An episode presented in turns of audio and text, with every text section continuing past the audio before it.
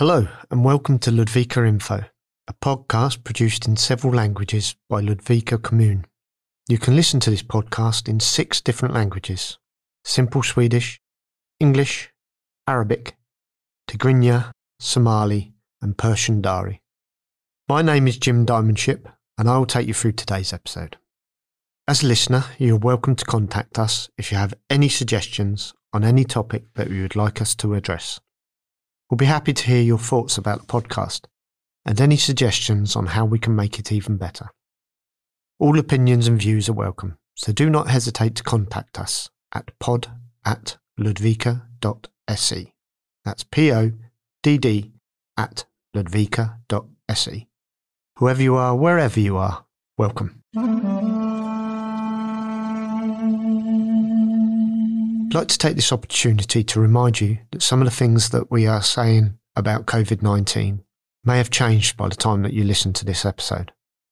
To be absolutely certain that you have the latest information, you can call 08 123 68 000, where you can receive information about COVID 19 in your native language.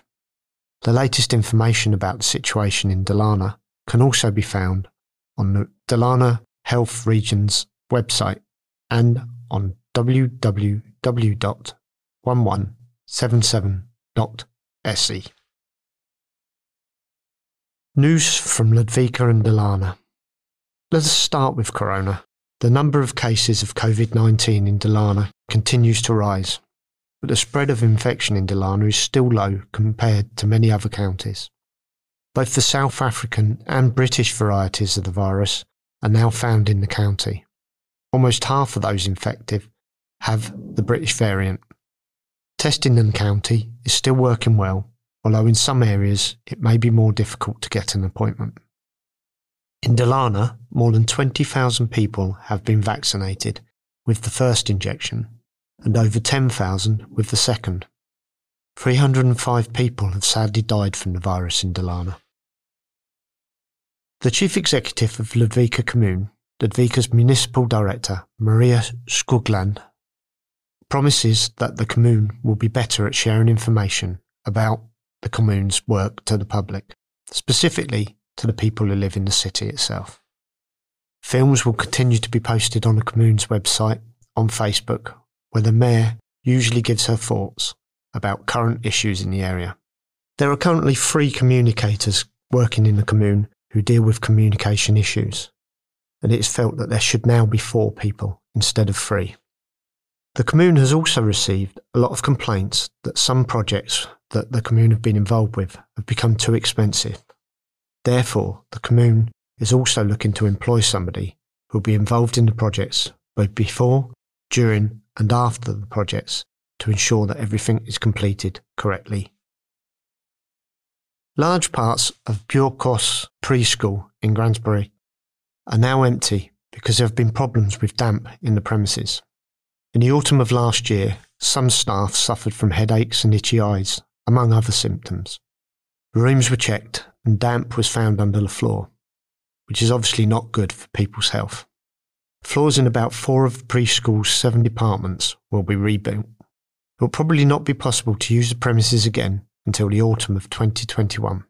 While waiting for the new floors, children and staff have had to move to other premises. Moor Anna's Eng, or Mother Anna's Meadow, is a nice place in the Marnäs area, where, among other things, there's a rest and barbecue area close to Lake Övre Hillen, the lake that lies below the high rise buildings on Grogåsvägen in Marnäs but now residents nearby say it's become very messy on the site. People have thrown away paper from fast food restaurants, and even poop and rubbish from pets has been found there. It is often children from preschools and schools who play and have activities on the site, and it is obviously not nice when there is so much rubbish around there. The Health and Welfare Department at the commune sometimes receives questions from people who do not understand why canteens and gyms are still closed. The simple answer is that the pandemic is still not under control. The Public Health Agency of Sweden says that the risks of a third wave of COVID 19 are actually high, unless people follow the rules and recommendations. The fact that vaccination has begun means that the risk of becoming seriously ill or dying has been reduced. But unfortunately, this does not prevent the spread of infection in the population for the near future. In March, a major outbreak of COVID 19 was detected among the staff at the Women's Clinic at Falun Hospital. Many parts of women's healthcare in Ludvika are located at the clinic in Falun. Due to the infection, patients who do not have acute problems will have to wait a little longer for treatment. No patients who are in contact with the infected staff have been infected. We'd like to inform you that the commune has demolished the playground that was at Erpelstigen on Knutsbo in Ludvika because it was old and worn out. Work will begin on building a new playground in April, and it is believed that work will be completed in July. Dalarna Region Healthcare are to stop calling from hidden numbers. This means that from now on, you will actually see a phone number when someone calls from the healthcare departments in Dalarna. This has been changed because many people have not dared to answer the phone when they do not know which number is ringing. Now it's hoped that more people will answer calls from the health service. It's also believed that this will make the work of vaccination much easier. We have some news for those of you who are asylum seekers and live in Ludvika or Smedjebacken communes. Would you like to know more about Swedish society and Swedish healthcare? Do you want to learn to speak a little Swedish? Then you're welcome to participate in something called TIA project. TIA, this is an acronym for Tidiga Insatser för Asylsökande, or Early Intervention for Asylum Seekers. Mayada Shahin works on the project, and she says that the participants in the project are quite happy. Jag kan säga det här att de är jättenöjda med det här. De kan ta det här på enkel och enklare, lätt svenska kan jag säga. De, de, de är jättenöjda med det här. De, de säger att vi förstår nu det här samhället, hur fungerar arbets, eh, kan jag säga, samhället, hur fungerar med sjukvård, eh, hur fungerar med det här med, kan jag säga, med rättigheter, skyldigheter, arbetsförmedling. Så det är mix mellan all information om samhället och egentligen. This is what Maida Shahin, who works at Ludvika Commune, told us. If you're an asylum seeker and want to participate in the project, you can contact Lena Anderson at Ludvika Commune. Lena can be reached on phone number plus 46 0240 863 53. You can also visit Lena at the Frundschupphuset, located on Karlovagen. Lena is on site and can receive notifications in the mornings. Soon it's time for Easter holidays, so please visit www.ludvika.se to see what activities are on offer for children and young people in the commune.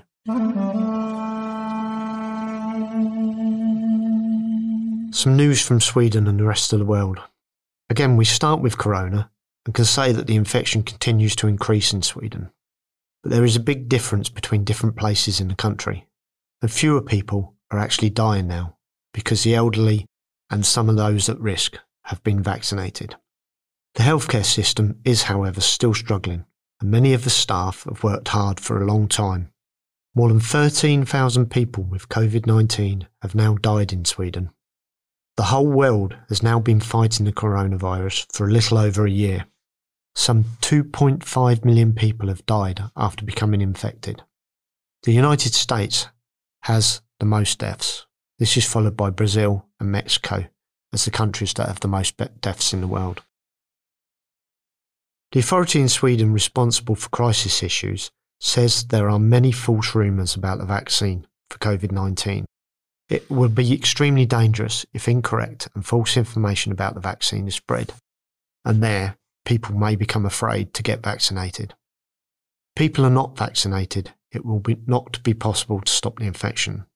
Some of the false things that are being said about the vaccination are the vaccine has just been made to make money, or the vaccine is not safe, or that it doesn't work at all. These are all false. Some people also believe that the state or other people with power have invented the virus. Again, obviously false. There have also been many discussions in the world about religion and morality, Among other things, rumours are spreading in Arabic language media that the vaccine would contain ingredients that are haram or banned. Again, not true. We end this week's news about Corona by telling you that museums in Sweden can now open again after they'd been asked to stay closed for a long time. They may only open with special rules. Obviously, they, may, they must not be crowded. There can only be a limited number of people in them.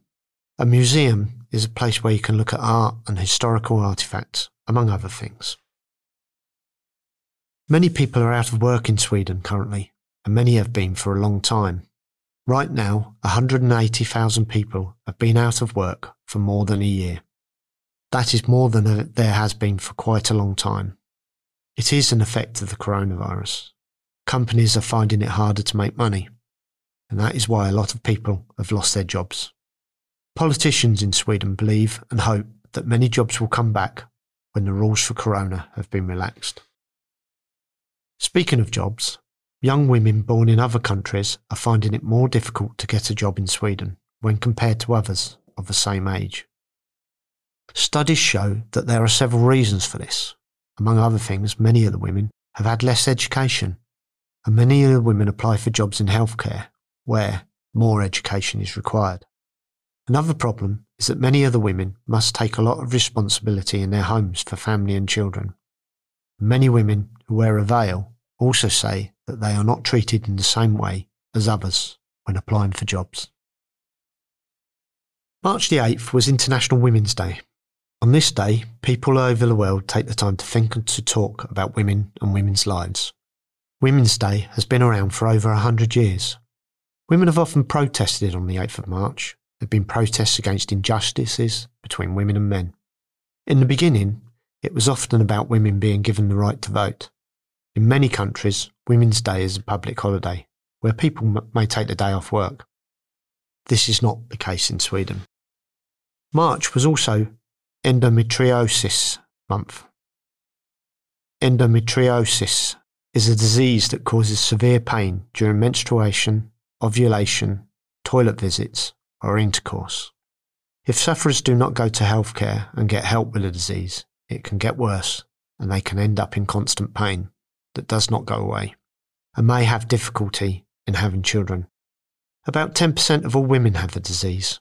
Many people find it difficult to talk about, but the healthcare system hopes that more people will do so because there is a lot of help to be had. In recent years, the Liberals and the Centre Party have collaborated with the Social Democrats and the Green Party. This cooperation made it possible to form a government the parties agreed to cooperate on several issues, and all the parties would be helped with issues they think are important. But recently, the Liberals have a new leader, and she said she didn't like the cooperation deal as it stands. She wants a different policy, and now she says the Liberals will work with other parties and be part of a new government. The next election in Sweden is in 2022. Speaking of political collaborations, Centre Party leader Annie Lööf says she would consider cooperating more and being part of a government with the Social Democrats. She's never said this before, and she absolutely refuses to cooperate with the Sweden Democrats. She also does not want to cooperate with parties that cooperate with the Sweden Democrats. The moderates, Christian Democrats, and Liberals have said that they can cooperate with the Sweden Democrats. And we continue to talk politics because Sweden decided that there should be equality everywhere in society. For example, there should be as many women as men in all jobs. 349 politicians from all over the country work in the Riksdag. Last year, almost exactly half of all politicians in Parliament were women. That is more than in any other country of the European Union. Sweden also has gender equality among ministers in the government because 52% of ministers are women. However, Sweden has never had a woman as a prime minister. Richard Jomshof of the Sweden Democrats Party was on SVT a while ago. There he talked about Islam and stated that Islam is a terrible religion. Many other politicians have become very angry about it, and the leader of the moderate party said that it was as terrible to say this. and that it cannot be said that way about religion that two billion people follow. Richard Jomshof then said that no one had understood what he meant. He said he had only been talking about Muslims who are in favour of violence. We will continue with the Sweden Democrats because next year there are to be elections in Sweden. Several parties must work together to form a government. The Sweden Democrats could be important. A government may need their support. Sweden Democrats leader Jimmy Åkesson says his party must be allowed to decide on politics. The Sweden Democrats want fewer immigrants. They also want those who commit crimes to receive harsh punishments. The party will not change that policy. Ideally, the party wants to be part of a new government after the election. The moderates, Christian Democrats, and Liberals have said that they want to cooperate with the Sweden Democrats, though the other parties have said that they will not. In September, a refugee camp burned down on an island in Greece. Camp was Europe's largest refugee camp, home to about 13,000 people. The camp was almost completely destroyed. Two young men have now been sentenced to five years in prison for the fire. The people who are helping these men believe the verdict to be wrong. There's not enough evidence, and they are to appeal the verdict. The men who were convicted were refugees and lived at the camp. The camp was Europe's largest camp for refugees. It began in 2015 when many people fled to Greece. They have tried to move on to other countries in Europe, but several thousand were stopped from doing so. Since then, they have been forced to remain in the camp in Greece. Several organisations that help refugees say the camp was one of the worst in the world. It was exceedingly difficult to leave there. After the camp burned, some countries in Europe took in some of the refugees, but many refugees have been allowed to remain in other camps on the Greek island. Children who have serious problems in their families should be better protected. This is something that the government wants, specifically regarding children who may live in other families when their parents cannot take care of them. Last year, it became known the little girl was forced to move back in with her parents, even though they were in difficult circumstances. Sadly, the girl died. The girl was only three years old. This is why there is a desire to change things. Among other things, children should not be allowed to move back in with their parents if they still have problems. Parents may also be forced to take tests that show they have not taken drugs. There will also be checks on how the child is doing after they have moved home. In the autumn, these proposals could become new laws. Last month, many people took the university entrance exam. This higher education examination is a test that you can take if you do not have good enough grades to get into the education you would like to attend. The test contains assignments in maths, English, and Swedish. The results of the test are used to apply to higher education institutions and universities. You can take the higher education examination twice a year, in the autumn and in the spring. We often talk about the weather or ask how someone is feeling, even though we already know the answers. It may seem like something that is not quite important. However, it is. We call it small talk. Scientists say that the inconsequential talk is more important than we think. It's a way for us to meet other people. However, it wouldn't be so good if that was all we talked about. We also need to talk about deeper and more important things sometimes. People who are sad or feel depressed often feel better about talking about small things. The corona crisis has also made many people happy to chat because they don't meet as many people as they used to.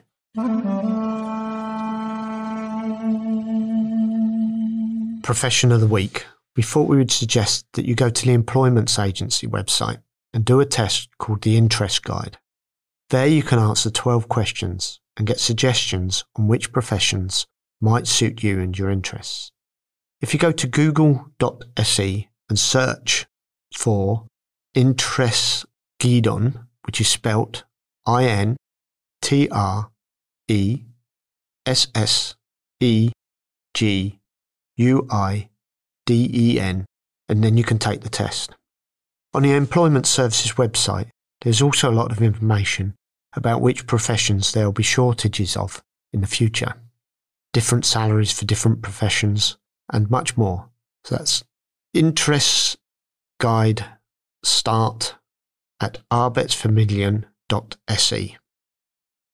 Do you have anything you wonder about regarding Ludvika, Sweden, Swedish society, or the Swedish language? Do you have something you want to ask a politician about?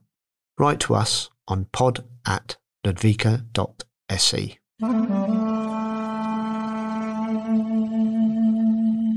Tips of the week. Now that we're in the middle of a pandemic, many people have a hard time finding things to do because large parts of society are not open as they normally would be. On SVT, there's now a website that gives suggestions of activities for you.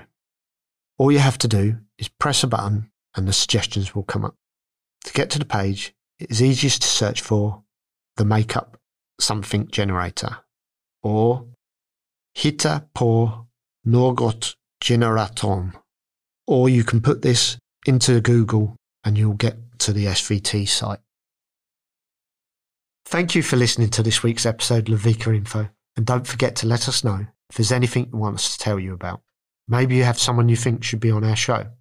Write to us on pod at ludvika.se. That's P O D D at ludvika.se.